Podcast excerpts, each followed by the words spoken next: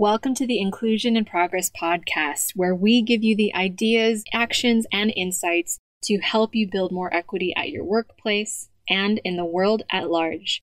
I'm your host, Kay Fabella, international expert on diversity, equity, and inclusion, a Filipino American living in Spain, and your guide in navigating this DEI journey. Having worked with teams at companies such as Philips, the IMF, Red Hat, PepsiCo, and more, I know firsthand that the work of inclusion only works when everyone has a seat at the table. Regardless of your personal entry point into this conversation, your race, ethnicity, gender, ability, age, sexual orientation, country of origin, or educational background, we all have a role to play in creating inclusion for all. And it starts with us having conversations we need to create the change we wish to see. So let's dive into today's episode.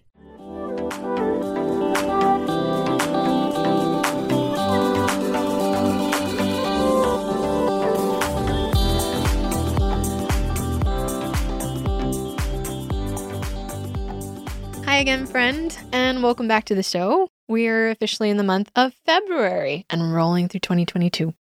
It's also the third episode of our first podcast season of the year on workplace wellness, which we feel obviously is an important topic given the backdrop of our post pandemic remote and hybrid work environments, and of course, the uptick in mental health challenges that we're facing everywhere in some way, shape, or form across the globe.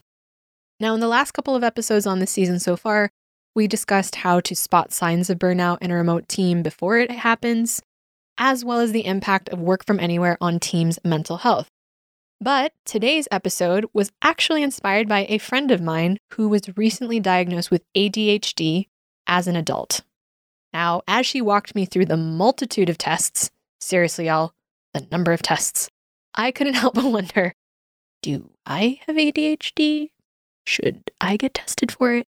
Because, man, I'm really struggling to concentrate after all this time working remotely. So, for context, I've been using Zoom since 2015. So, OG user right here. You can't see my fingers, but I'm pointing at myself. Anyway, I gotta tell you, even though it's helped us connect with folks from all over the world, support client partners, and of course, connect with each other from countries and corners of the world that I would never have dreamed of when we started Inclusion in Progress, I've become a Zoombie. Yep, you've heard me right.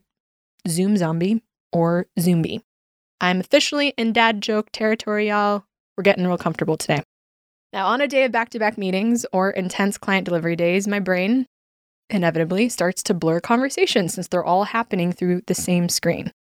And these days, when Javi, my Spanish husband, and I are sitting down to lunch or dinner, I mix stories to the point that he has to interrupt me to say, wait, wait, wait, are you still talking about the same people or is this a different conversation altogether? And I know I'm a little bit space cadetty, but I also know that I'm not alone. Now, with the lines between home and life, context, chats, on screen, off screen, all blurring together over the last two years, I think all of us might be thinking we've got a little bit of ADHD or neurodivergence in us.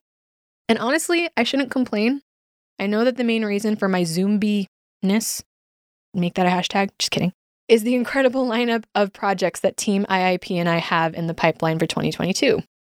Now, if you've been on our new website at inclusioninprogress.com, you'll see that one of the big ways that we're shifting our workflow is only taking on 10 client partners per year, which allows us to go wider and deeper with our relationships, meet their needs specifically, and of course, give our team a sustainable way to deliver work that we care about and we currently have four spots available. So if you'd like to book a call with us before we close our client roster for 2022, head to the link in the show notes to get in touch with our team. As you know, we've already developed long-standing partnerships with the likes of Red Hat and Instagram, have also delivered work for Philips and the IMF and FAO at the UN, and we'd love to see if we're a fit for your needs this year.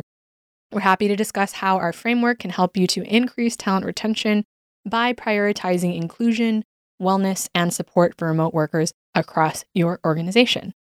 So feel free to reach out at the link in the show notes or email us directly at info at inclusioninprogress.com to book a call and learn how we could partner with you this year. But back to the topic of the episode today ADHD. Now, again, I'm not a mental health or medical professional, so I'm going to pull from research that the team and I have cross checked and reviewed in anticipation of preparing this episode. Now, for decades, attention deficit hyperactivity disorder, say that five times fast, has been one of the most debated disorders in history. There's been more than a fair share of books and articles debating the alleged overdiagnosis of ADHD. And even though we're questioning its validity in some cases, ADHD seems to be unique to the times that we live in. How many times have you heard it used by a friend or a coworker to describe their low attention span or how easily they're distracted by their devices? Now, despite everyone jokingly diagnosing themselves or their colleagues, yours truly included, ADHD is still one of the most misunderstood brain conditions, falling under the realm of neurodiversity in the diversity, equity, and inclusion conversation. Maybe you've heard an outdated stereotype of what ADHD looks like and who it affects. Maybe if you have a child or a partner who's been diagnosed with it, you've been made aware of the lack of education on its symptoms. Maybe you've heard a joke or two about the medications, or you've worried about the internalized shame for those with ADHD. But because it's so stigmatized and often misdiagnosed, most of what we've heard about ADHD is wrong. Ultimately, the stereotypes that we hear about it come from the belief that people with ADHD can control their quote unquote disability. That idea of, ah, oh, you're just being lazy. You just need more willpower, more focus, if only you tried harder. When in reality, people with ADHD actually need to expend more mental energy than the average person to accomplish tasks like meeting deadlines or even responding to emails. So they're actually trying harder than neurotypical folks on a daily basis. Now, Dr. Edward Hallowell is a leading psychiatrist who happens to be the world's leading expert on ADHD. He also co authored the book Driven to Distraction and Delivered from Distraction. It's been one of my most interesting reads to date, so I'll be sure to link to the book for you to check out in the show notes. It really is an eye opener. But according to Hallowell, the stigma around ADHD is so pervasive and damaging that medical professionals like him hesitate to even call it a disorder or a disability. So Hallowell characterizes it as a quote, brain trait with positive and negative effects. He even has his own acronym to avoid pitfalls associated with that ADHD label. He renamed it VAST, or Variable Attention Stimulus Trait. Because people with ADHD are all drawn to high stimulation situations and their attention varies according to how stimulating the situation might be. Which sounds kind of like the work environments we're all navigating today, working remotely. Hallowell also acknowledges that yes, living with ADHD can be hard, but the brain trait can also influence resilient, resourceful, curious, creative, intuitive, innovative, and outside the box thinkers who work their way to the top of their field when given the right environments. Now, I don't know about you, but when I hear all of those words written down, I can safely say that those are qualities that organizations want on their teams moving forward, which is why it's in our interest to learn more about how we can support people living with ADHD, or what Hallowell calls variable attention stimulus trait. Now, if we go back to thinking about our virtual or hybrid workplaces today, knowledge workers, as we know them, are rarely rarely off their devices, yours truly included. During our work hours, we're using different channels and screens to stay connected to our tasks and teams. Off work hours, we're still on screen so we can connect with our friends and with our family, so we can post or scroll through social media or indulge in a late night Netflix binge. We're constantly context switching, giving variable levels of attention to the different levels of stimuli that we're being exposed to and we're trying to process it all the best that we can.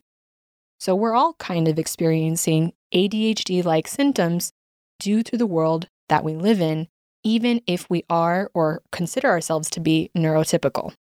So this got me wondering whether or not we're designing our remote workplaces to support people like my friend, both neurotypical and neurodivergent folks to contribute their best work when they process the world and the inputs that they receive differently. Now, again, I want to stress that I'm not an expert or a medical professional. So instead, what I would like to do on today's episode is open a discussion on how we can support our team members who are working remotely in different parts of the world with or without an ADHD diagnosis to create more equity and inclusion, which would then increase the access to resources and opportunities for advancement that we all want to thrive at work. So let's dive into some of the ways our teams today may be at risk for ADHD like symptoms and ways that you can support your remote teams to increase the likelihood that they'll stay. Let's dive right in. So, the coronavirus crisis reshaped workplaces significantly. Understatement in 2022. Now, organizations are again being asked to restructure their traditional hierarchies, to redefine their roles and responsibilities, and in the midst of all this, find a way to cultivate trust and connection across remote teams while navigating our strange post pandemic world. And in this process, companies are now faced with the challenges of retaining a globally distributed workforce whose expectations of employers have shifted dramatically since the start of the pandemic. So, the increasing demand for services helped organizations in tech specifically accelerate their digital transformation, but that rapid ramp up also took its toll on employees. In fact, September 2020 research from Microsoft found that 30% of global information and frontline workers said that the pandemic had increased their feelings of burnout at work. Data compiled from Microsoft Teams specifically up until that point showed that workers had been in significantly more meetings and managing more incoming chats, including twice as many after hours messages. Think about that. Even though employees were no longer commuting, they were actually working longer hours at home. Because without the physically defined confines of an office, all work and work adjacent communication with their colleagues came through their devices. Meaning that even two years into this pandemic, most employees still haven't learned how to truly disconnect. Most employees actually feel like they can't disconnect. And in our 2021 white paper on the future of work culture, we found that many leaders are struggling to adapt their performance management systems and leadership styles for distributed teams despite wanting to support their desire to continue to work remotely. We also found that employees are becoming more mindful of their inboxes and protective of their free time. So they're less likely to engage with leaders unless there is a clear purpose to the communication that supports their ability to either complete their task better or creates an opportunity to build quality relationships with their colleagues. One way that we can support our employees struggling with too much work related stimuli or potentially falling into ADHD like symptoms is by streamlining our communication. Assigning each channel, such as email or Slack or Asana, a specific purpose and function. This might also mean getting rid of redundant channels. So, for example, if you're using multiple things for chat, such as Slack and GChat or Twist or Teams or the like, requiring team members to stick with one or the other to reduce inefficiency and streamline communication. Another way is teaching employees how to use their devices or shared calendars to set off hours and encouraging team members and managers to honor those off hours. Those off hours could be divided into things like focused work time, mental health breaks, non work time where they shouldn't be disturbed, which expands our vocabulary of just on and off time to help us then avoid stalling communication when we're working remotely while also providing much needed mental health breaks to employees who would benefit from flexible work, like those from neurodivergent populations. The next thing to look at is the blurred lines in relationships, which could also contribute to our ADHD like symptoms. A recent report from Buffer and AngelList found that 20% of remote workers struggle with loneliness, which means it's important that employees benefit from the camaraderie of their colleagues. The problem is that many employees don't know how to separate our work work conversations from our personal work conversations. Or they are struggling with how to create meaningful connections in a remote environment beyond the people within their immediate team.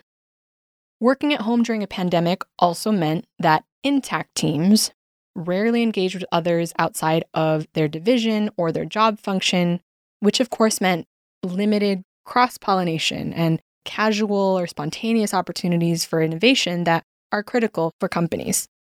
When we surveyed employees in 2021, specifically in the tech industry, about what they would like to see more of in their workplace, the most common responses were cross departmental training and mentorship from leaders in other divisions.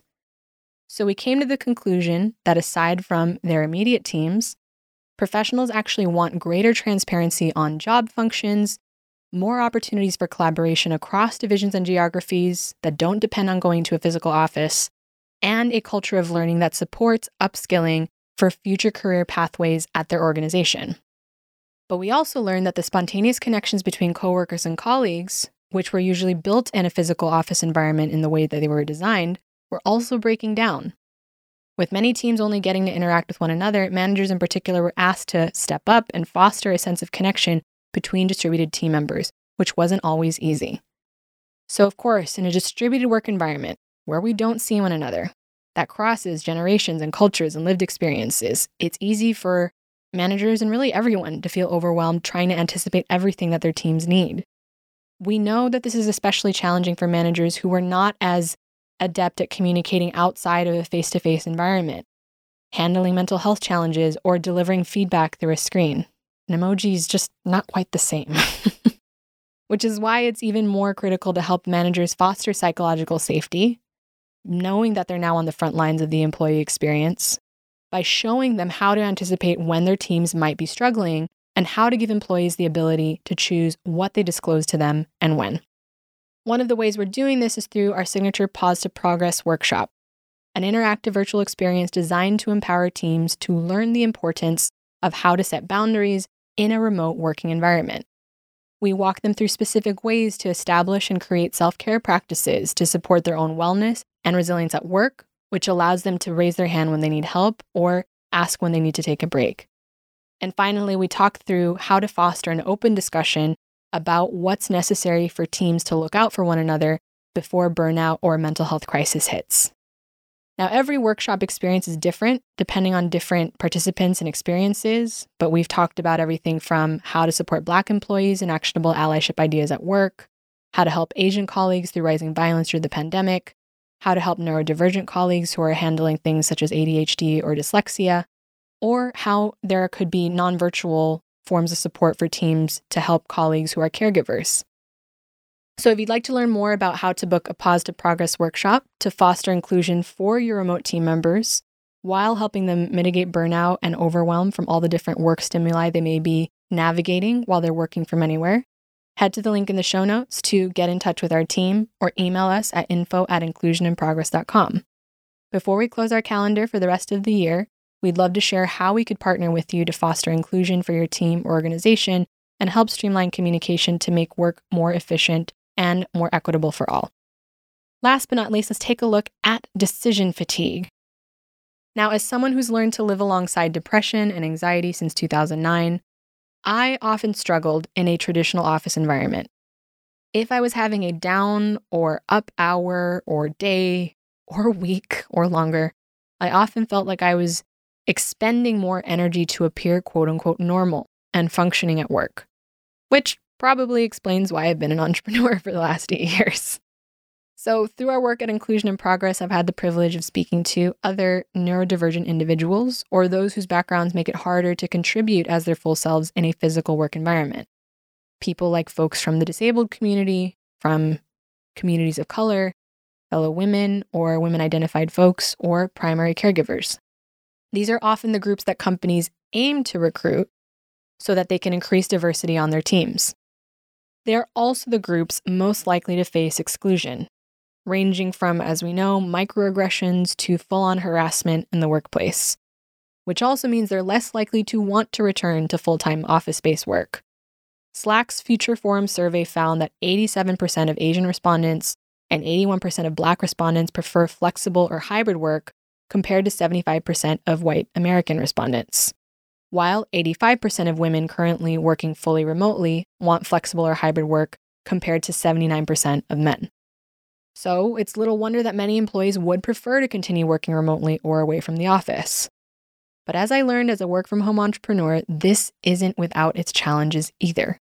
Remote workers, count myself in that group as well, often forget to switch off from their work mode because we're trying to squeeze in whatever bits of work we can on a Slack message or an email, even while we're away from our desk, and therefore are struggling more to disconnect because we don't have the accountability of a physical coworker or a manager or a team. We become, we all become really our own bosses in a way, even if we're not starting a business.